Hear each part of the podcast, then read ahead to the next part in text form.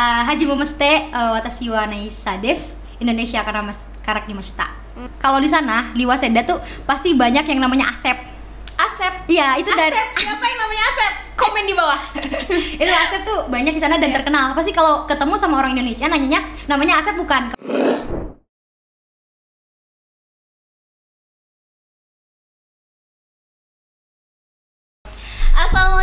Warahmatullahi wabarakatuh. Selamat datang di KPI Podcast. Jangan lupa untuk subscribe, like, comment, and share Jika konten ini bermanfaat buat kamu.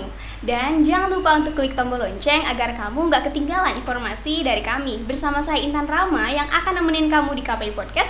Obrolin aja, jangan dipendam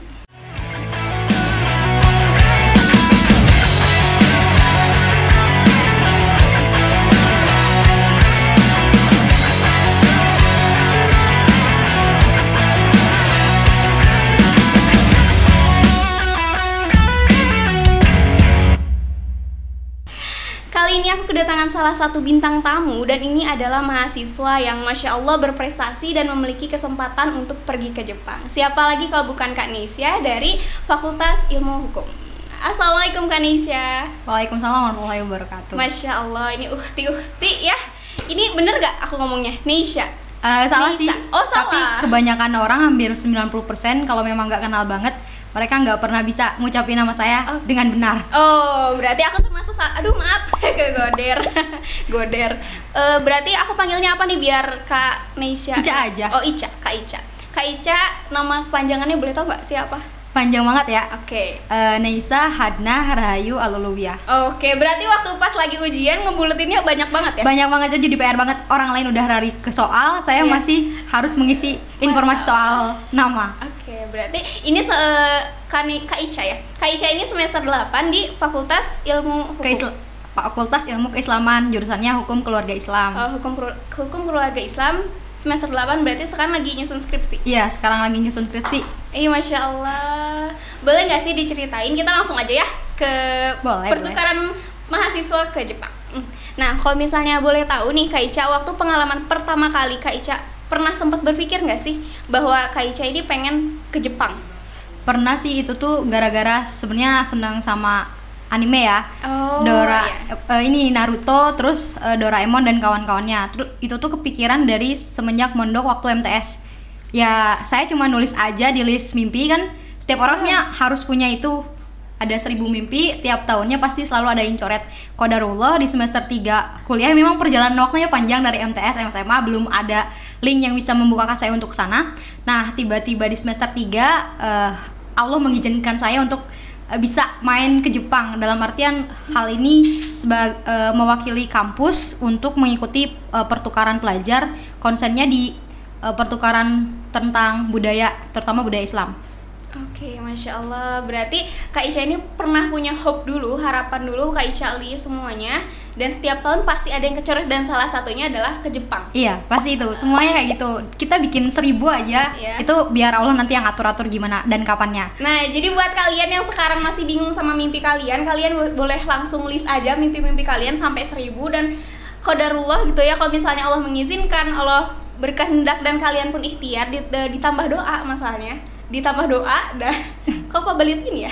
Ditambah doa insya Allah itu bakalan Allah izinkan gitu ya tentu ya. Tapi kalau misalnya ini budaya Islam berarti berarti konsennya di keluarga atau gimana? Eh, jadi begini waktu itu tuh Jace punya program Genesis salah satunya. Mereka tuh punya project untuk eh, menyediakan wisata halal Iya. buat seluruh traveler muslim. Nah tentu itu nggak akan bisa kejawab ketika muslim belum bisa melihat fasilitas yang ada di Jepang. Iya. Nah, terlebih soal kampus, kemudian tempat wisata dan eh, ini soal masyarakatnya harus bagaimana. Sebenarnya kepentingan mereka ke kita adalah eh, mencoba dan menggali sejauh mana Jepang nanti bisa jadi destinasi halal berikutnya selain dari area Timur Tengah yang udah buat kita mungkin itu kayak bener-bener tradisi yang bener-bener harus gitu ke sana. Nah, Jepang pengen punya prioritas lain. Nah, mereka gencarnya ke muslim kayak gitu. Oh ya Allah, berarti di sana fokusnya sama makanan-makanan halal gitu ya? Eh, nggak itu aja sih Pakaian juga. Eh, mereka nggak nggak konsen di sana mereka lebih ke eh, tata cara kita bagaimana biasa muslim hidup di negaranya. Oh. Nah, nanti Jepang ingin kemudian itu juga ada di negara mereka biar kita secara ketika eh, berwisata atau ke- kemudian kita belajar di sana, kita bisa mendapatkan fasilitas yang sama di negara muslim abu atau mereka yang secara mayoritas negaranya muslim kayak gitu. Oh, ya, kayak diduplikasi gitu ya? Iya. Kebiasaan kita dibawa ke sana kayak Iya. gitu. Oke lah. Berarti kalau misalnya gitu tinggal 10 hari kan di sana? Iya, 10 hari. Apa aja sih yang selama ini didapat sama Kak Ica? Banyak sih 10 hari itu ya 24 jam dikali 10 ah lumayan itu kan.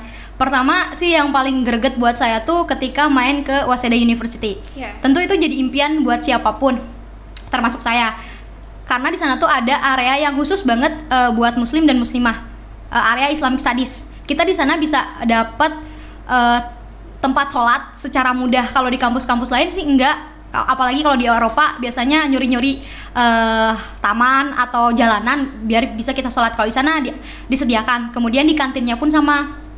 Jadi ada ini buat muslim nih ini aja yang bisa dimakan kantinnya khusus. Nah yang eh, selain itu atau yang haram dipisahkan. Jadi kita akan tahu dan akan lebih nyaman di sana. Kemudian mereka juga eh, memberikan overview tentang perkuliahan sih. Jadi ke sana tuh main sekaligus dikenalin kampusnya dan dapat kelas lumayan kan belajar juga? Ah, ah, di sana kita eh, benar-benar belajar bareng Nah, kira-kira belajar apa di sana?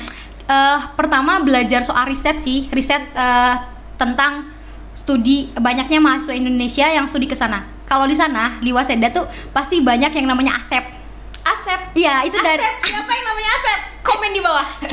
itu Asep tuh banyak di sana dan Iya. terkenal. Pasti kalau ketemu sama orang Indonesia nanyanya namanya Asep bukan kalau ke Oh, laki-laki. Eh kayak iya gitu. gitu. Ya beberapa. Eh, kemudian kita juga diberi kesempatan untuk kemudian melanjutkan di sana. Jadi Jepang khususnya Waseda University terbuka un- untuk menerima seluruh mahasiswa internasional kayak gitu. Oh ya, jadi waktu pas di sana Teteh bener-bener Teteh lagi. Kak Ica ini bener-bener menduplikasikan apa yang kehidupan muslim di sini terus di sana kan? Ya mereka nanti akhirnya soalnya ada tawaran diskusi akhir kepada Jais dari kita project ke depan mau digarap apa bareng-bareng dari project dua negara. Intinya dia dari Muhammadiyah dan Jepang kayak Nah. gitu karena saya delegasinya iya, delegasi iya. Muhammadiyah. Apa itu? Udah ada atau belum? Itu ada projectnya itu Japindo Mura. Japinomura. Javindo Mura. Mura Javindo itu Mura. kalau dalam bahasa eh, Indonesia tuh kampung, Kampung. village. Ya. Village. Ah, ah, Japindo Mura tuh Jepang, Indonesia, kampung. Jadi di sana tuh mewadahi ada tiga prospek yang kita kembangkan. Pertama, pertukaran pelajar tentu karena Iya. kebutuhan kita kan memang itu soal pendidikan mereka yang eh, dis budaya disiplinnya ah pokoknya tuh keren banget. Kayak saya menemukan eh, nilai-nilai keislaman di sana gitu. Kemudian pertukaran tenaga kerja kita ketahui bahwa eh, di Jepang pertumbuhan teknologi dan yang lainnya mendukung untuk pemberdayaan eh, perkembangan pola pikir dan kemudian manajem- manajemen kerja. Dan yang ketiga adalah eh, tuk, eh, budaya tukar bahasa. Tukar Nah, bahasa. ah, orang Jepang kemudian mengajarkan orang Indonesia bahasa. Begitupun sebaliknya. Jadi ketika kita ketemu kita bisa bilingual Indonesia Jepang ya kapan pun main ke sana kita bisa pakai dua Iya. bahasa itu. Jadi kayak eh, dua saudara saling mengajarkan bahasa lebih simpelnya kayak gitu. Itu proyeknya. Cuman itu. Iya, tiga itu. Tiga itu, masya Allah. Berarti bisa dong sedikit-sedikit bahasa Jepang. Bisa, tapi ya karena udah 2017 udah lama lah, maksudnya karena jarang dipakai juga kan. Kalau perkenalan diri masih inget Ya masih. ya. Boleh dong perkenalan diri aja. Ah, Haji Momeste uh, watashi wa. Indonesia karena mas karakimashita. Hmm, Masya Allah. Karimashita. Karimashita. Karakimashita. Karashimashita. Karakimashita. Karakimasta. Ya. Oke, karami karaki udah lah ya, skip aja nggak usah dibahas lagi. Ini mulutnya harus dibelajarin lagi, oke? Oke, oke. Oke. Jadi kalau misalnya Kanisha ke Jepang, Kanisha, Kanisha, Kaica, Kaica ke Jepang itu sendi eh, berapa peserta? Eh, kalau Dari dari, Indonesia. Muhammadiyah, Iya. dari Muhammadiyah 10 orang, perwakilannya itu dari tiap provinsi, kemudian dari perwakilan Nahdlatul Ulama juga 10 dan dari Bali 10. Oh. Jadi ada 30 eh tiga kelompok berjumlah 30 orang gitu. Masya Allah ya dapat kesempatan yang menurut aku sih sem- mimpi semua orang itu ke luar negeri gitu kan. Dan gratis. Dan gratis 10 hari. 10 hari. Itu Jadi bener-bener dari visa, tiket pesawat itu semuanya. bisa diurusin sama pihak JIS-nya. Nah, tapi ngomong-ngomong, kenapa sih Kak Ica ini bisa kepilih pertukaran ke Jepang? Ah, ini ah, aku ya harus mini mana aja ya kayak pertama waktu itu sebenarnya lagi ada acara di kampus ini acara halakoh kebangsaan diskusi kebangsaan kayak gitu ngundang eh, pematerinya hampir profesor kayak gitu salah satunya sekretaris PP Muhammadiyah Pak Iya. Abdul Muti nah kebetulan beliau menawarkan ada program Sudex nah saya sebenarnya dapat link informasi ini dari Bapak Dekan Iya. Nah, Bapak Dekan kemudian merekomendasikan saya ikut tes bahasa, nulis esai, wawancara. Ya, selayaknya biasa aja kayak gitu. Iya. Nggak ada yang jalur lurus enggak, semuanya tetap by proses. Kalau misalnya saya bahasanya tidak lulus ya, saya nggak bisa berangkat loh. Ya itu keberuntungan sih kata saya dan takdir. Setelah dari MTS udah lama menemukan, akhirnya dikabulin. Tes kemudian dinyatakan boleh berangkat, bisa berangkat lulus. Nah, saya mulai repot di sana ngurusin paspor dan yang lainnya lah. Nah, untungnya untuk bisa dibantu sama pihak eh, pemerintah Jepang. Jadi kita nggak terlalu repot, bener-bener dipermudah pokoknya. Oh, jadi benar-benar dipermudah sampai itu. Kalau misalnya dari berapa orang sih pesertanya sampai ke Anisha cuma dipilih sampai 10 do- 10 orang. Ah, itu dari tiap provinsi ya. Cuman Iya. sistemnya saya kurang tahu karena eh, yang di, Oh, di oke. apa didelegasikan dari kampus kita hanya saya. Nah, Itu mungkin kesempatan baik. Saya tidak tahu berapa jumlah peserta. Nah, tapi ya saya intinya saya mendapatkan pengumuman lulus bisa berangkat segera siapkan paspor dan yang lainnya untuk Oh, itu jangka waktu ke situnya gak lama ya berarti? enggak enggak lama. Da- dari pengumuman tuh harus langsung beberapa hari kemudian eh, paspor sudah harus diurus. Seminggu setelah pengumuman lulus tuh paspor udah harus ada karena kan buat eh, pengurusan perizinan dan yang lainnya. Oke sih aku tercengang. Kayak gitu. Ya, aku bilangnya semua orang bisa loh. Bisa kayak gitu. Yang penting punya mimpi, dipastikan on the way, on the track jalannya dan terakhir ya tinggal limpahkan sama yang Maha Kuasa. Nah, oke.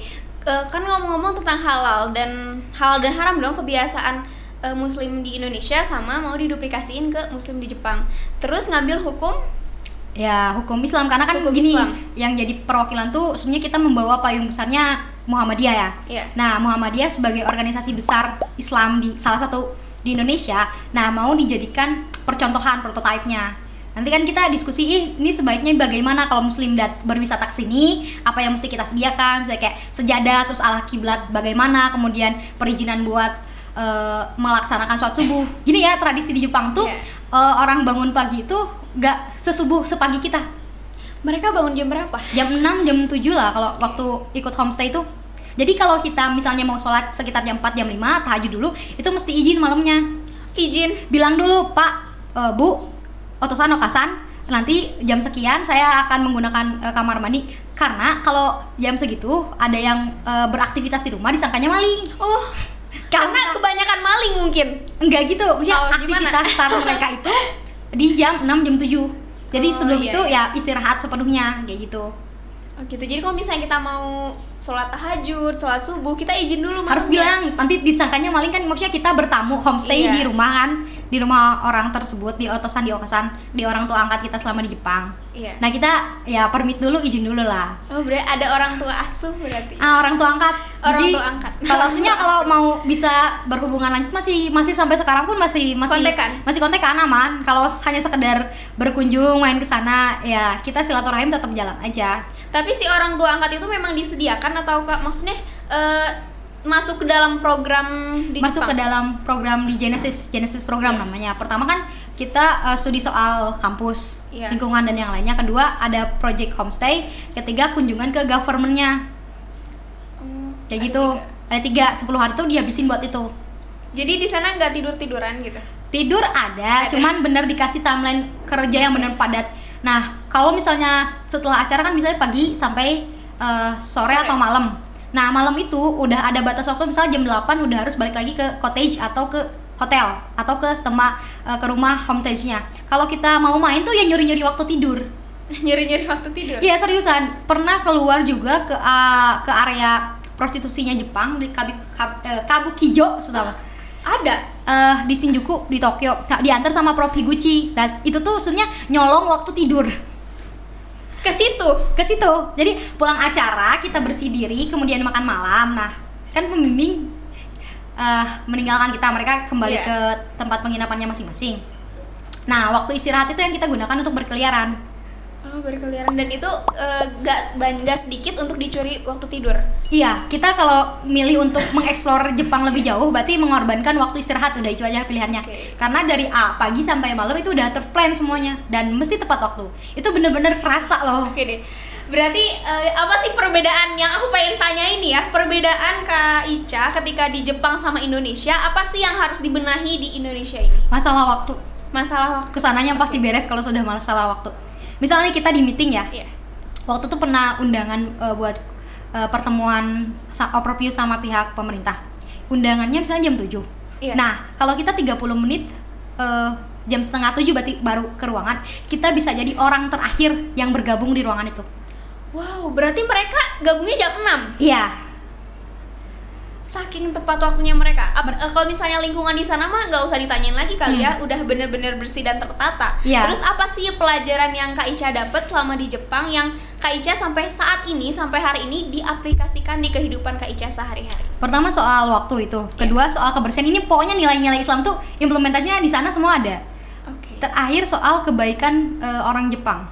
Mereka percaya bahwa ketika menemukan barang milik orang lain itu bukan haknya dan selalu dikembalikan. Nah, jangan culas. Culas tuh Culas tuh apa sih? Ayo apa culas? Ayo apa culas? Aku ngomong culas tapi nggak ngerti arti culas.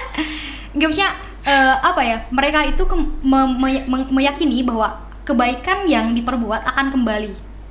Oke. Ketika melakukan keburukan, ya Akan akan kembali kembali. kepada dia. Kan sebenarnya itu semuanya konsep Islam Islam loh. Kata aku Iya. pas ke sana ya Allah, ini kalau muslim semuanya kayak gini, in- saya naruh motor atau naruh mobil di mana aja, aku juga kayak nggak akan takut kehilangan. Iya, di Indonesia helm disimpan di gerbang aja bisa hilang. Nggak? Kayak gitu. Itu yang patut dicontoh. Iya. Terus ada lagi? Banyak lah. Ya apa dong? Apa dong?